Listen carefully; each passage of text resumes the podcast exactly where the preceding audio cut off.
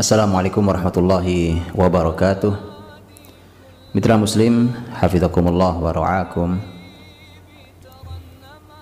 Berbicara tentang perjuangan Rasulullah Sallallahu Alaihi Wasallam Sesungguhnya berbicara tidak hanya sebatas sebuah semangat Tetapi berbicara juga tentang masalah ilmu. Berbicara tentang masalah urutan Berbicara tentang masalah strategi Semuanya harus dipadukan karena memang semangat tidak pernah cukup. Orang tidak bisa membangun sebuah peradaban hanya bermodalkan sebuah jargon dan teriakan, tetapi harus dipandu dengan ilmu yang telah diajarkan oleh Rasulullah Shallallahu Alaihi Wasallam, di mana kita akan membahas pada pertemuan kali ini tentang 10 tahun membangun sistem di Madinah. Kalau 13 tahun di kota Mekah yang sudah kita bahas, Rasulullah Shallallahu Alaihi Wasallam menyiapkan pondasi SDM-nya, membangun generasi-generasi yang akan mengendalikan, yang akan memegang sistem itu, maka ini pula sebenarnya yang menjadi pelajaran pertama buat kita Karenanya kita akan sangat kecewa ketika kita menemukan seseorang di tengah jalan yang kita tidak pernah kenal siapa dia dengan kualitas dirinya tapi tiba-tiba hanya karena dia mendapatkan simpati besar kemudian dia menjadi pemegang sistem. Kita sering kecewa dengan bab seperti itu dengan kejadian seperti itu dan ternyata dalam peradaban Islam hal seperti itu tidak dilakukan karena semua yang mengendalikan dan memegang sistem adalah mereka-mereka yang dulu bersama-sama mengaji, mereka yang bersama-sama bersama Rasulullah Shallallahu Alaihi Wasallam. Mereka kumpul bersama di kota Madinah setiap saat bersama dalam ilmu yang sama, dalam iman yang sama, dalam amal yang sama, semuanya dalam frame amal jama'i yang islami yang kemudian setelah itu maka mereka bertebaran di muka bumi menjadi pemimpin yang tetap saling terkait satu sama lainnya setelah dahulu mereka memang dibina Nabi dalam satu kesatuan. Itu pula yang harus kita lakukan ketika kita membahas tentang sebuah peradaban hari ini. Mari kita lihat lebih detail lagi tentang bagaimana Rasulullah Shallallahu Alaihi Wasallam sepanjang 10 tahun di kota Madinah kalau boleh kita bagi maka 10 tahun itu bisa kita bagi menjadi beberapa bagian. Bagian yang pertama adalah ketika Nabi Shallallahu Alaihi Wasallam mulai membangun menanam tunas sistem itu. Begitu Nabi Shallallahu Alaihi Wasallam memasuki kota Madinah, Madinah bukanlah sebuah negeri yang telah siap sebagai sebuah negara, Madinah negeri yang tidak siap bahkan hanya sekedar urusan kesehatan atau urusan ekonomi karena buktinya Madinah harus didoakan dulu oleh Nabi Shallallahu Alaihi Wasallam tentang kesehatan kota itu yang memang bermasalah. Juga tentang perekonomian yang harus dicarikan solusinya oleh Rasulullah Shallallahu Alaihi Wasallam. Nabi Shallallahu Alaihi Wasallam harus membangun sebuah sistem baru di tengah masyarakat Madinah yang telah lelah diri mereka sendiri setelah mereka bertempur antar mereka sendiri sepanjang kurang lebih 200 sepanjang kurang lebih ratusan tahun mereka bertempur. Mereka perang saudara masyarakat yang lesu masyarakat yang lelah masyarakat yang murung dikarenakan mereka habis tenaga dan potensinya untuk bertarung antar mereka. Maka bukan sebuah pekerjaan yang ringan buat Rasulullah Shallallahu Alaihi Wasallam untuk membangun Madinah. Justru di sini, di sinilah pelajarannya buat kita semua. Bahwa Rasulullah SAW tidak diberi oleh Allah sebuah kota yang siap, yang sudah mapan, tidak.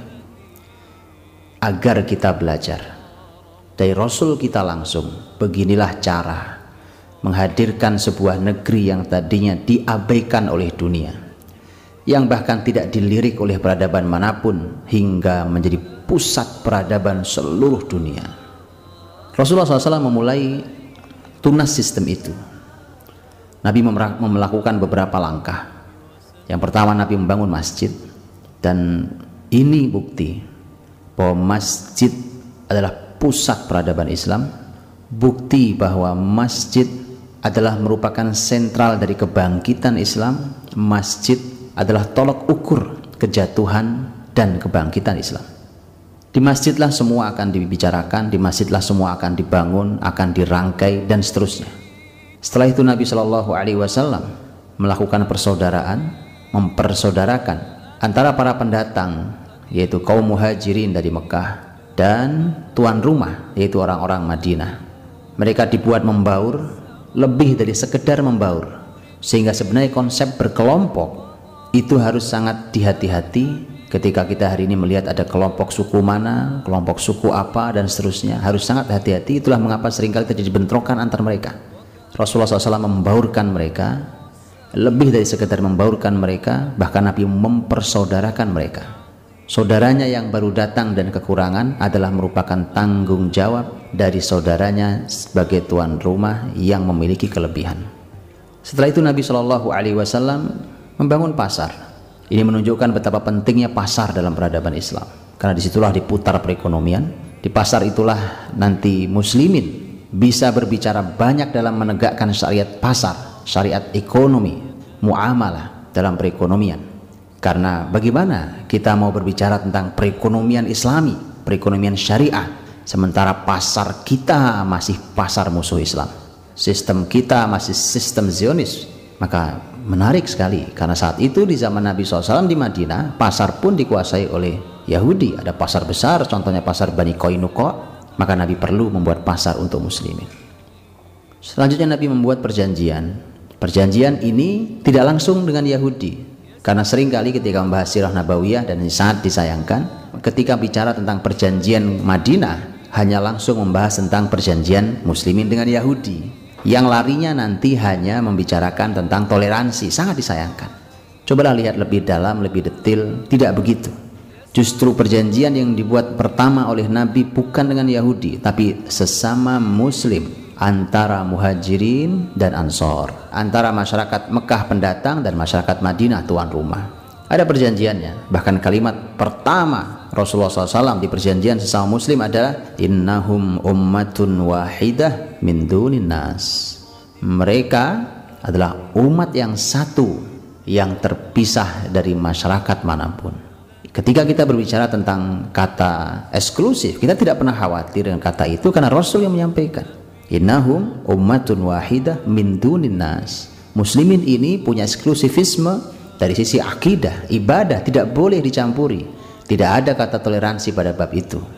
Karenanya Nabi Shallallahu Alaihi Wasallam menyampaikan kalimat bahwa mereka umat yang satu terpisah dari umat mana pun. Baru setelah itu, setelah disolidkan di internal, Nabi membuat perjanjian dengan musuh Islam yang saat itu adalah masyarakat Yahudi.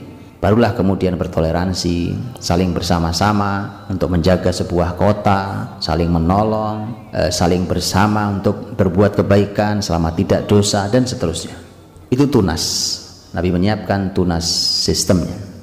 Kemudian Nabi Shallallahu Alaihi Wasallam dalam sirah beliau di kota Madinah Nabi berjuang untuk mempertahankan negeri yang telah dibangun tunasnya itu, sistem tunas itu, dijaga oleh Nabi SAW dari berbagai macam gangguan yang ditimbulkan oleh musuh-musuh Islam yang mulai khawatir dengan keberadaan muslimin yang telah menguasai satu wilayah. Pelajaran mahal, silahkan diambil pelajarannya lebih dalam lagi. Selama setidaknya lima tahun, Nabi Shallallahu Alaihi Wasallam dan para sahabat bertahan untuk mempertahankan negeri yang baru saja menjadi tunas ini. Karena namanya tunas sesuatu yang baru. Untuk itulah mungkin kekuatannya belum terlalu besar. Sementara musuh sudah punya kekuatan jauh lebih lama dan jauh lebih besar dan jauh lebih banyak. Tapi di hadapan pertolongan Allah subhanahu wa ta'ala semuanya menjadi tidak masalah lima tahun pertama muslimin belajar banyak bagaimana menjaga eksistensi muslimin di dalam sistem di kota Madinah itu. Ini adalah poin berikutnya tentang membangun sistem hingga puncaknya adalah ketika tahun 5 Hijriah itu terjadi perang Ahzab yang diabadikan Allah dalam surat Al-Ahzab. Atau yang disebut juga dengan perang Khandaq di mana kata Ahzab artinya adalah sekutu. Adapun Khandaq artinya adalah parit Sekutu karena berkumpul sekutu dari berbagai suku Arab, Quraisy dan non-Quraisy, mereka sepakat berkonspirasi untuk menyerang muslimin di Madinah. Khandak karena itu adalah sistem pertahanan Nabi dan sahabat di kota Madinah, mereka membuat parit untuk pintu masuk ke kota Madinah.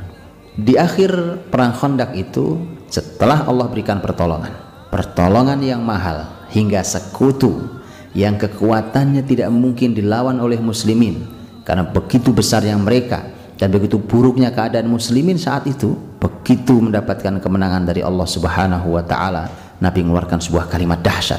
Ini menunjukkan bahwa setelah tahun 5 adalah fase baru untuk sistem. Nabi mengatakan sebagaimana disampaikan dalam Sahih Bukhari al-an naghzuhum wala yaghzunana nahnu nasiru ilaihim. Sekarang kita perangi mereka bukan mereka yang memerangi kita kita yang akan pergi untuk berangkat menuju ke mereka. Dahsyat. Kalau lima tahun yang awal Nabi dan para sahabat hanya bertahan mempertahankan negeri, mempertahankan muslimin, mempertahankan Islam, akidah di hati mereka maka setelah tahun lima Nabi SAW sudah mengumumkan di akhir perang Khandaq sekarang giliran kita yang akan berangkat menuju mereka bukan mereka yang memerangi kita untuk itulah kabar gembira-kabar gembira tentang penaklukan negeri-negeri disampaikan di tahun 5 ini. Nabi sudah menyampaikan tentang penaklukan berbagai negeri. Bukan hanya negeri-negeri kecil, bukan hanya kota-kota biasa, bukan hanya negeri-negerinya orang Badui. Nabi sampai menyebut Yaman, Nabi SAW menyebut Romawi, Nabi menyebut Persia. Dahsyat, subhanallah. Nabi menyebut dua imperium terbesar di zaman itu, Persia dan Romawi. Sudah Nabi sebutkan di tahun 5 Hijriah bahwa itu negeri akan diberikan Allah untuk muslimin. Dan terbukti, nanti setahun berikutnya, tahun 6 Hijriah, musuh besar yang sering dihadapi muslimin adalah orang-orang Quraisy dari Mekah. Tahun 6 adalah tahun perjanjian damai. Bukan muslimin yang meminta, tapi musuh Islam yang meminta. Ini bukti bahwa mereka sudah lemah. Maka terjadilah perjanjian Sulh Hudaybiyah ini tahun 6 tahun perdamaian Nabi manfaatkan sebaik-baiknya untuk membersihkan berbagai macam gangguan selain Quraisy karena Quraisy sudah tidak mau lagi memerangi muslimin dalam perjanjian mereka maka setelah itu memasuki fase berikutnya dan Nabi buktikan giliran kita yang sekarang keluar. Giliran kita sekarang yang berjalan menuju mereka. Maka tahun ke-7 Hijriah adalah merupakan tahun di mana Nabi SAW mulai melakukan ekspansi dakwah keluar. Nabi mengirim para sahabatnya ke berbagai wilayah, ke berbagai negeri.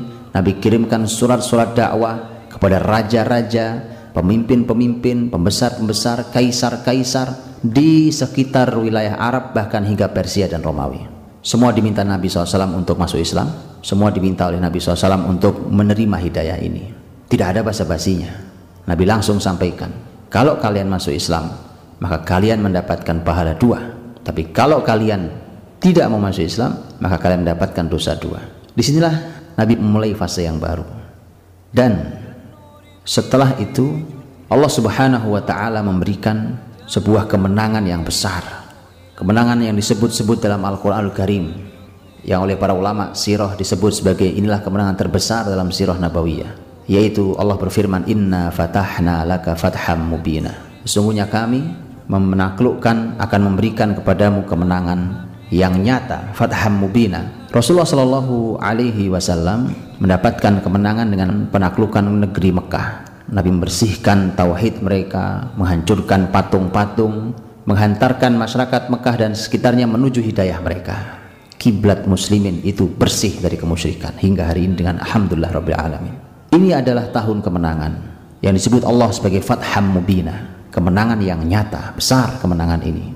Maka sejak itu sejak muslimin mulai mendapatkan kemenangan demi kemenangan setelah itu datang rombongan dari berbagai macam suku dan wilayah setelah tahun 8 itu tahun 10 Hijriah disebut sebagai Amul Wufud sebagai tahun utusan-utusan utusan-utusan itu datang ke Rasulullah SAW untuk menyatakan diri masuk Islam dan taat kepada kepemimpinan Madinah dan sebelum itulah Nabi SAW sudah banyak mengingatkan para sahabatnya tentang kebesaran, tentang harta, tentang jabatan. Nabi tengah menyiapkan mental juara para sahabatnya agar kelak mereka tidak menjadi pecundang, agar kelak mereka tidak jatuh karena harta, agar kemenangan muslimin di sebuah jihad mereka tidak justru menjadi kekalahan pertama mereka dikarenakan dijatuhkan oleh harta di mana muslimin mulai berebut harta dan jabatan.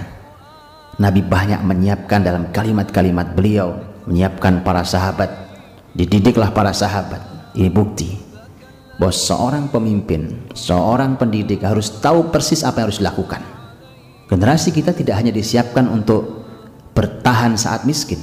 Jangan hanya disiapkan mereka hanya untuk menjaga iman ketika mereka sedang papa keadaan sedang susah tapi perhatikan kalau kita pegang Islam ini jangankan hanya harta bumi ini akan Allah serahkan kalau sudah seperti itu maka perlu diketahui sebagaimana kemiskinan ada efek baik dan efek buruknya demikian juga kekayaan.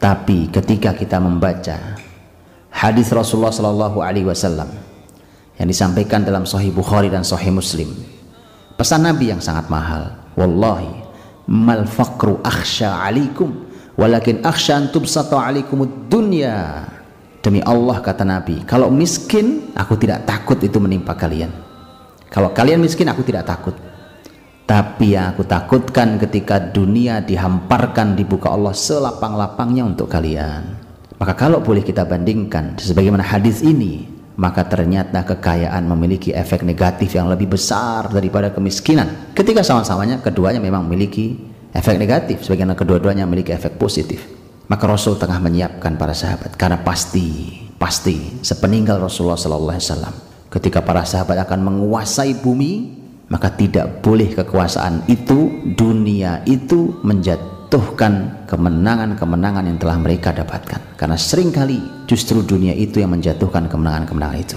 Dan setelah tugas itu selesai maka Allah subhanahu wa ta'ala tahun 11 Hijriah memanggil Rasulullah Sallallahu Alaihi Wasallam dan wafatlah Rasul setelah selesai tugasnya setelah turun ayat idza jaa nasrullahi wal fath wa ra'aitan nasa yadkhuluna fi dinillahi afwaja telah datang pertolongan dan kemenangan dari Allah Subhanahu wa taala dan kau melihat manusia berbondong-bondong masuk Islam. Itulah kemenangan sesungguhnya, itulah kemenangan dari dakwah Islam ini ketika masyarakat mendapatkan hidayah Allah Subhanahu wa taala. Maka mudah-mudahan ini menjadi sebuah gambaran bagi siapa pun yang tengah berbicara tentang peradaban, yang tengah menyiapkan keluarganya, menyiapkan dirinya, menyiapkan lembaganya agar belajar langsung dari Nabi SAW. Beginilah cara Nabi membangun sistem hingga lahirnya para pemimpin-pemimpin muslim yang menegakkan manhaj nabawi menegakkan aturan Rasulullah wasallam. Wallahu alam bisawab fa'tabiru ya ulil absar. Ambillah pelajaran wahai orang-orang yang memiliki fikiran. Assalamualaikum warahmatullahi wabarakatuh رب العلا